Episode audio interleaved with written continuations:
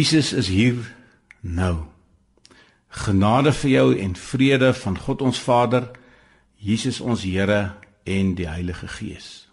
Ek wil jou graag verwelkom by vanoggend se erediens. In Elardus Park gemeente sê ons God se liefde is vir alle mense oor alle grense heen.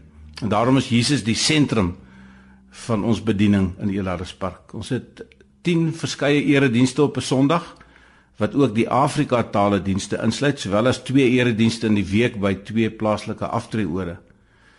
Om jou net bekend te stel ook en so 'n bietjie meer te weet van ons gemeente, ons het sewe leraars en 'n paar teologiese studente, ook 'n student wat sy gemeentejaar by ons doen. Ons bedien in verskeie ouderdomsgroepe en ons het uitreike na die Boesmans toe by Andriesville, Badplaas, Ivory Park. Ons is ook by Jacaranda Kinderhuis betrokke, Genesis projek Baie welkom saam in hierdie erediens en mag jy dit geniet. Kom ons bid saam. Here Jesus, ons is hier as u aardse gemeente bymekaar. Ons is van oor die hele Suid-Afrika om u lof en u eer en u aanbidding te bring. Open u hart en u woord vir ons asseblief sodat ons vandag ook u hartklop kan hoor. Ons bid dit in Jesus se naam. Amen. As ons met die erediens begin met die tema kom terug op die spoor en bly dan daar en ons gebruik as teks Matteus 16 vers 13 tot 20 dan is dit tog belangrik om by 'n liefdesbeginsel te begin. En die liefdesgebod word opgesom in Romeine 13 vers 8 tot vers 10. Ek lees dit daar staan julle moet niemand iets verskuldig wees nie behalwe om mekaar lief te hê. Wie sy medemens liefhet, voer die hele wet van God uit. Al die gebooie, jy mag nie egbreek pleeg nie, jy mag nie moord pleeg nie, jy mag nie steel nie, jy mag nie begeer nie of watter ander gebod daar ook al is, word immers in hierdie een groot gebod saamgevat. Jy moet jou naaste lief hê soos jouself. Die liefde doen die naaste geen kwaad nie. Daarom is die liefde die volle uitvoering van die wet. Nee, julle moet lewe soos volgelinge van die Here Jesus Christus en nie voortdurend daarop uit wees om julle sondige begeertes te bevredig nie. Kom ons sing saam Jesus groot bo almal.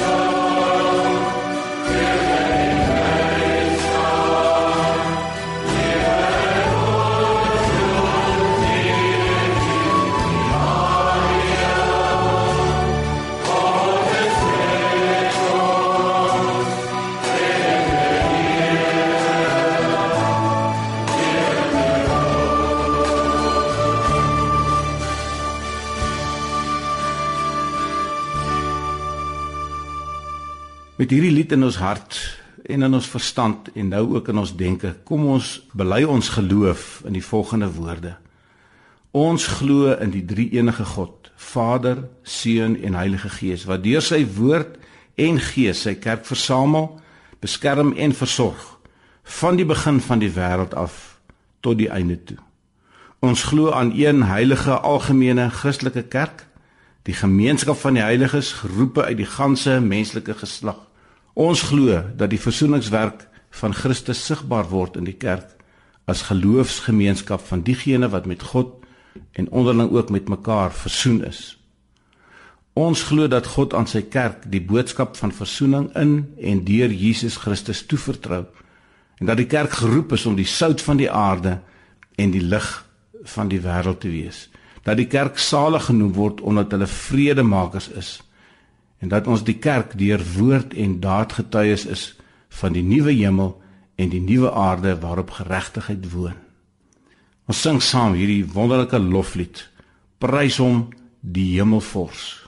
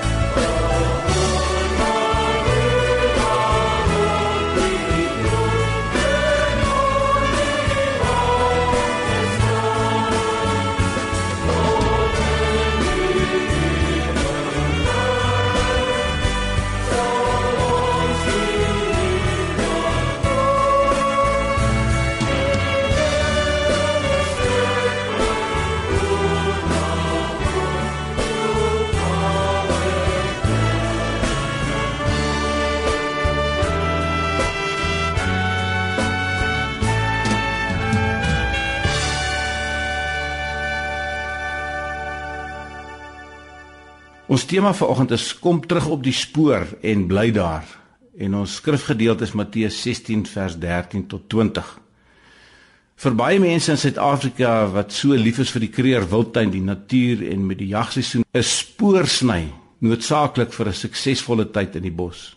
En dit beteken dat ek moet 'n goeie algemene kennis van die plante groei hê, van diere se gewoontes, spore, 'n fyn waarnemingsvermoë en ek moet die korrekte gebruik van die wind en die son aanwend en dan moet ek die vermoë hê om stadig en sag te beweeg. Nou ek weet dit is uitputtend om 'n vaar spoor te volg en dit lei dikwels daartoe dat mense die spoor verloor.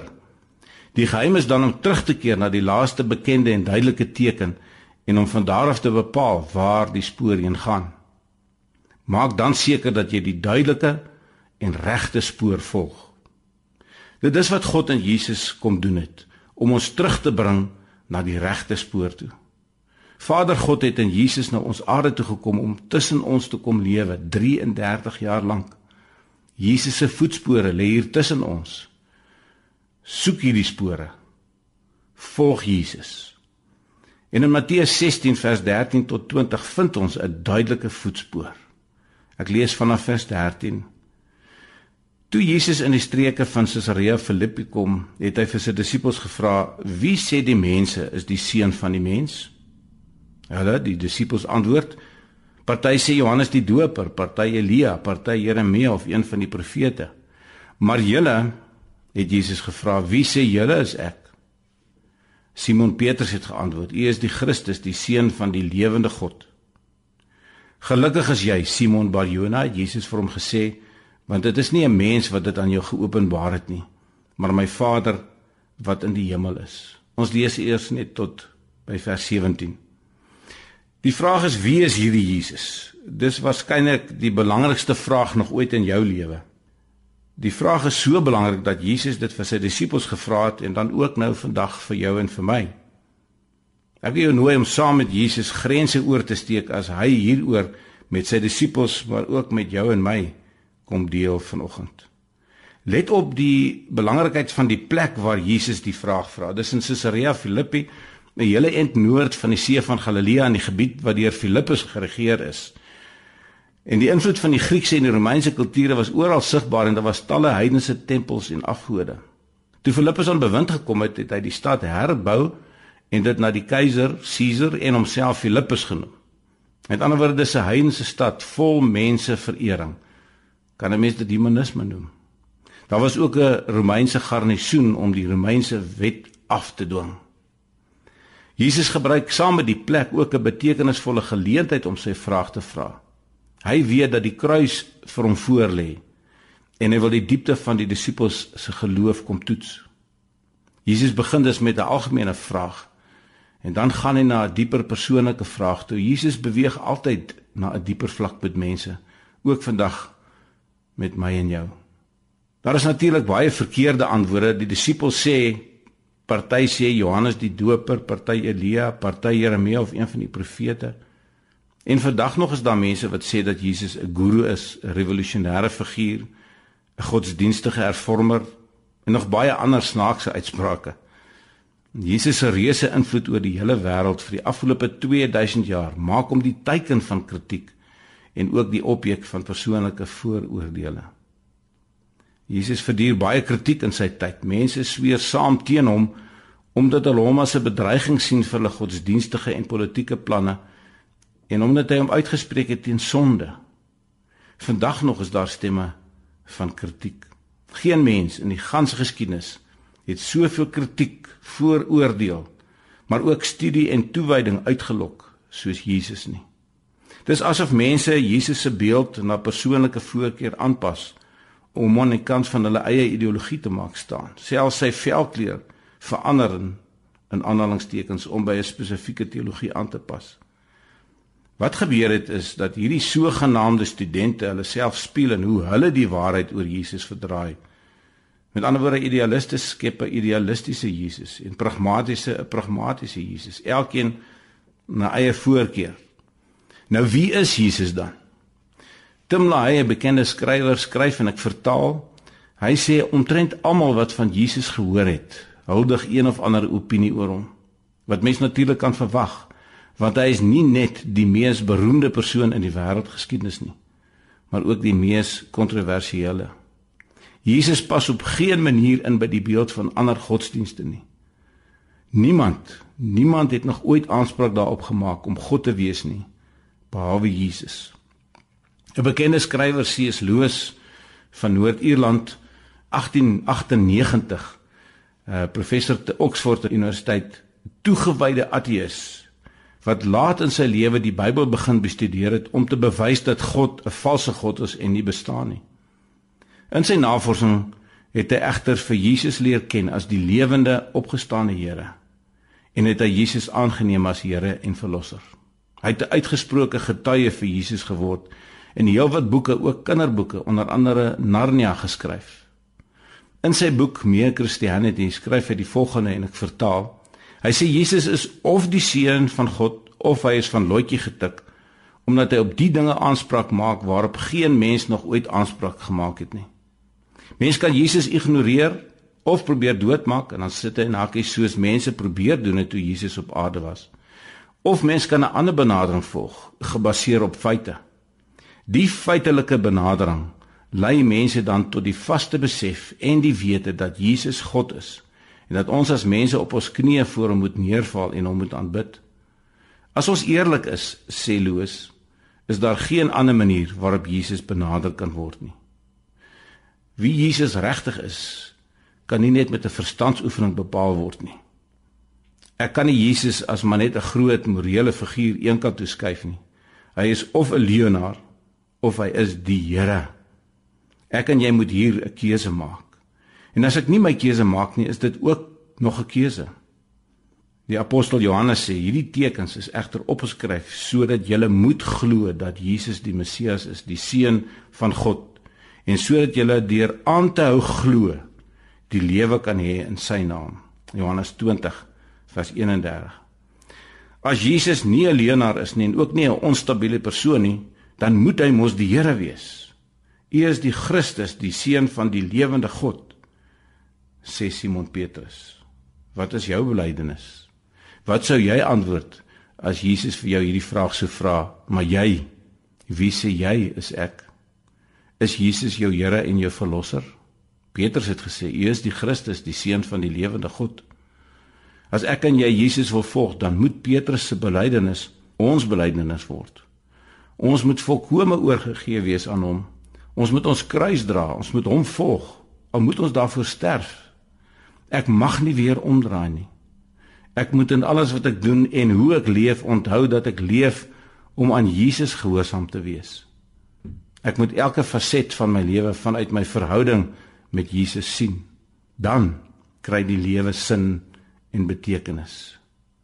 As ek en jy Jesus die middelpunt van ons lewe maak, dan kan ons al ons doelwitte, ons behoeftes, ons begeertes en ons dade sien binne die raamwerk van sy meesterplan vir ons lewe en kan ons met vreugde leef en in gehoorsaamheid aan hom met die wete dat ons saamwerk nou reeds op aarde aan die bou van sy koninkryk hier. En hier is die beloftes. Kom ons lees verder daaruit Matteus 16 en ons lees weer 'n keer van vers 16 af tot by vers 20. Simon het geantwoord: "U is die Christus, die seun van die lewende God." Gelukkig is jy Simon Barjona Jesus vir hom gesê want dit is nie 'n mens wat dit aan jou geopenbaar het nie maar my Vader wat in die hemel is. En ek sê vir jou, jy is Petrus. En op hierdie rots sal ek my kerk bou en die magte van die doderyk sal dit nie oorweldig nie. Ek sal aan jou die sleutels van die koninkryk van die hemel gee en wat jy op die aarde toesluit sal in die hemel toegesluit bly en wat jy op die aarde oopsluit sal in die hemel oopgesluit bly. Toe het Jesus sy disippels beveel om vir niemand te sê dat hy die Christus is nie. Ons lees tot sover. Petrus het 'n leiersposisie onder die disippels ingeneem en ook as verteenwoordiger van die 12 opgetree en met die oog op hierdie posisie van Petrus gebruik Jesus die volgende woorde om sy kerk op aarde te verduidelik. Dis in die eerste plek 'n openbaring van God. Daar staan dit is nie 'n mens wat dit aan jou geopenbaar het nie, maar my Vader wat in die hemel is, sê Jesus vir Petrus. Dan is daar ook die rots. Jesus sê op hierdie rots sal ek my kerk bou. Vanuit Petrus se belydenis is dit duidelik dat dwars deur die Ou Testament word die woord rots na God verwys, nie na 'n mens nie. Jesus se woorde was jy is Petrus. Petros is die woord wat gebruik word wat 'n kleinerige klip of 'n rots beteken en op hierdie rots, en dan is dit die woord Petra wat 'n groot rotsfondasie beteken, sal ek my kerk bou. Dit gaan dus hier oor die kerk as die liggaam van Jesus op aarde. Die Griekse woord wat hier met kerk en in Matteus 18 vers 17 met gemeente vertaal word, kom net die twee keer in die evangelies voor. Dis 'n woord wat beteken die uitgeroepenes. Die kerk word dus die liggaam van Christus genoem. Daarom is die kerk daar om Jesus se opdrag fisies in die wêreld uit te voer. Die kerk kan nie bestaan sonder Jesus nie. Maar die kerk is nie Jesus nie. Die kerk is deur Jesus begin en word deur Jesus regeer, geheilig en beskerm, maar die kerk is nie Jesus nie. Die kerk kan redding en verlossing en versorging van mense verkondig, maar die kerk kan nie red nie. Die kerk kan die boodskap bring, mense aanspreek, mense bemoedig, omgee, waarsku teen sonde. Die kerk kan vergifnis van sonde verkondig en sonde teologies definieer, maar die kerk kan nie sonde vergewe nie, net Jesus kan. Cyprianus het gesê, geen mens kan God as Vader hê wat nie die kerk as sy moeder het nie. Ons het die kerk, die gemeenskap van gelowiges, die uitgeroepenes nodig, net so nodig as wat 'n hongerbaba mamma se melk nodig het. Op die fondament van Petrus en die apostels se belydenis bou Jesus dan self sy kerk. Jesus prys Petrus omdat hy sy geloof opreg bely. Ware geloof in Jesus as die Christus, soos die van Petrus, is die fondament van Christus se koninkryk op aarde. Ek wil kortliks net na die sleutels verwys. Die sleutels verwys na Petrus se rentmeesterskap in die koninkryk van God op aarde. Die bedoeling is dat dit die, die sleutels van die koninkryk is. Dis nie sleutels vir die dood nie, net Jesus hou die sleutels van die dood in sy hande. En die Bybel word met sleutels autoriteit en rentmeesterskap bedoel. Petrus het hierdie sleutels gebruik om vir die heidene die deur van die geloof oop te maak, vir die Jode en vir die Samaritane. Dit gaan dus oor die uitnodiging om nou reeds deel te word van God se koninkryk. Die betekenis dan is die deure van die koninkryk staan waarwyd oop vir enige een wat in Christus glo en aan hom gehoorsaam is. As ek en jy aan Jesus behoort, is ons deel van sy liggaam op aarde met die doel om te bou aan sy koninkryk reeds hier op aarde. Jesus waarsku die disippels om nie vir ander mense van Petrus se belydenis te vertel nie. Hulle sou nog nie verstaan watter soort Messias hy was nie. Hy is nie die militêre Messias, die bevelvoerder wat hulle verwag het nie. Hy is 'n gewillige dienaar wat in diens staan van die mense. Ek wil begin afsluit. Probeer soos wat jy wil, maar die wêreld kan Jesus nie ignoreer nie. Selfs mense wat nie in Jesus glo nie, word deur sy uitsprake aangeraak.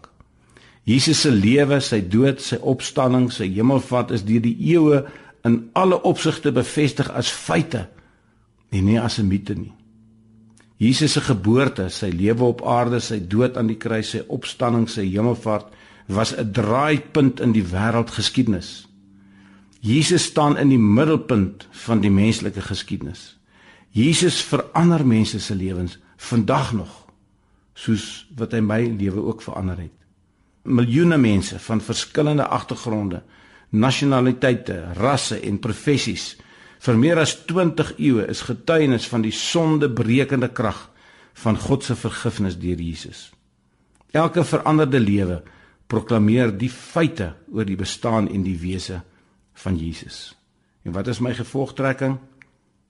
'n Verhouding met die lewende Jesus verander mense radikaal. Waag dit om Jesus toe te laat om die beheer van jou lewe oor te neem. En kyk hoe jou gesindheid en jou optrede verander omdat Jesus lewens verander. Omdat Jesus sonde vergewe. Omdat Jesus skuldgevoelens wegneem en so 'n nuwe verhouding skep. Die God van die Christendom is nie 'n onbekende God nie maar iemand wat die spesifieke karaktereienskappe van Jesus het soos in sy woord geopenbaar Dis God ons Vader wat in Jesus na ons toe gekom het, nie ons wat na hom toe gekom het nie. Ons plaas ons geloof in die God wat homself aan ons bekend kom stel in die geskiedenis toe hy sy seun Jesus na ons toe gestuur het. Nog belangriker, ons kan die krag van die opgestane Jesus vandag in ons lewens ervaar deur sy Heilige Gees wat in ons woon. Ons kan met sekerheid sê dat ons sonde in Jesus vergewe is Hy het reeds daarvoor aan die kruis betaal. Ons het die sekerheid van die ewige lewe reeds hier op aarde want Jesus het die dood oorwin, uit die graf opgestaan en daarom weet ek en jy dat ek verlos is van 'n leë en 'n betekenislose lewe en dat hy ons verander in 'n nuwe skepsel waar daar sin in die lewe is. Jesus is die Messias, die Christus, God in menslike vlees. Hy is die laaste woord in alle sake. Hy het die goddelike gesag om al die skrif in die woord van God te bevestig. Hy is die woord wat mens geword het en onder ons kom woon het. Jesus is die Here, die lewende. Stap nou saam met hom op 'n pad van disippelskap. Verander jou lewe nou in 'n lewe van aanbidding, van die lewende opgestane Jesus, God se gesig vir die wêreld. Kom terug op die regte spoor. Volg Jesus. Amen. Kom ons bid saam. Here Jesus, U hoor ons gebed want U is hier. U ken ons harte deur en deur. U weet wat in ons gedagtes omgaan. U weet wat ons gehoor het want deur U Gees is dit U wat die woord lewend in ons binneste kom maak. En daarom is my gebed dat hierdie woord wat ons ver oggend gehoor het uit Matteus 16 nie leeg na U toe sal terugkeer nie. Maar dat ons hierdie keuse sal maak as U voor ons kom staan en as U vir ons kom sê en jy wie sê jy is ek?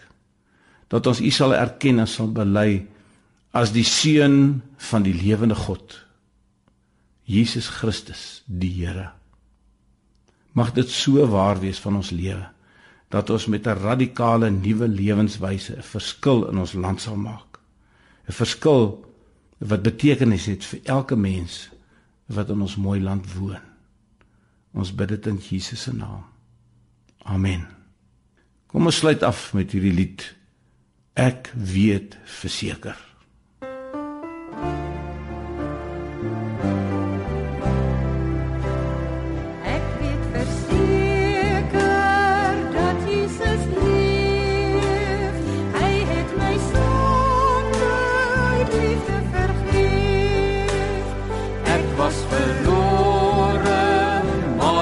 Met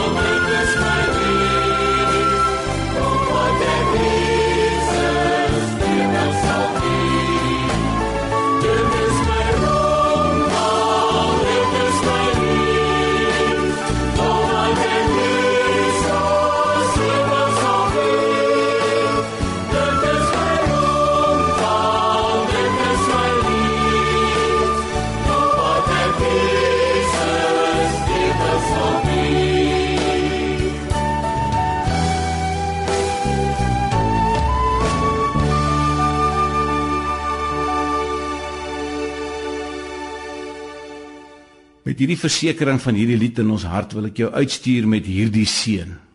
Luister mooi daarna. Die Here is voor jou om die pad vir jou gelyk te maak. Die Here is langs jou om jou in sy arms toe te vou. Die Here is agter jou om die aanvalle van die bose af te weer. Die Here is onder jou om jou te dra as jy mag val. Die Here is rondom jou om jou te beskerm.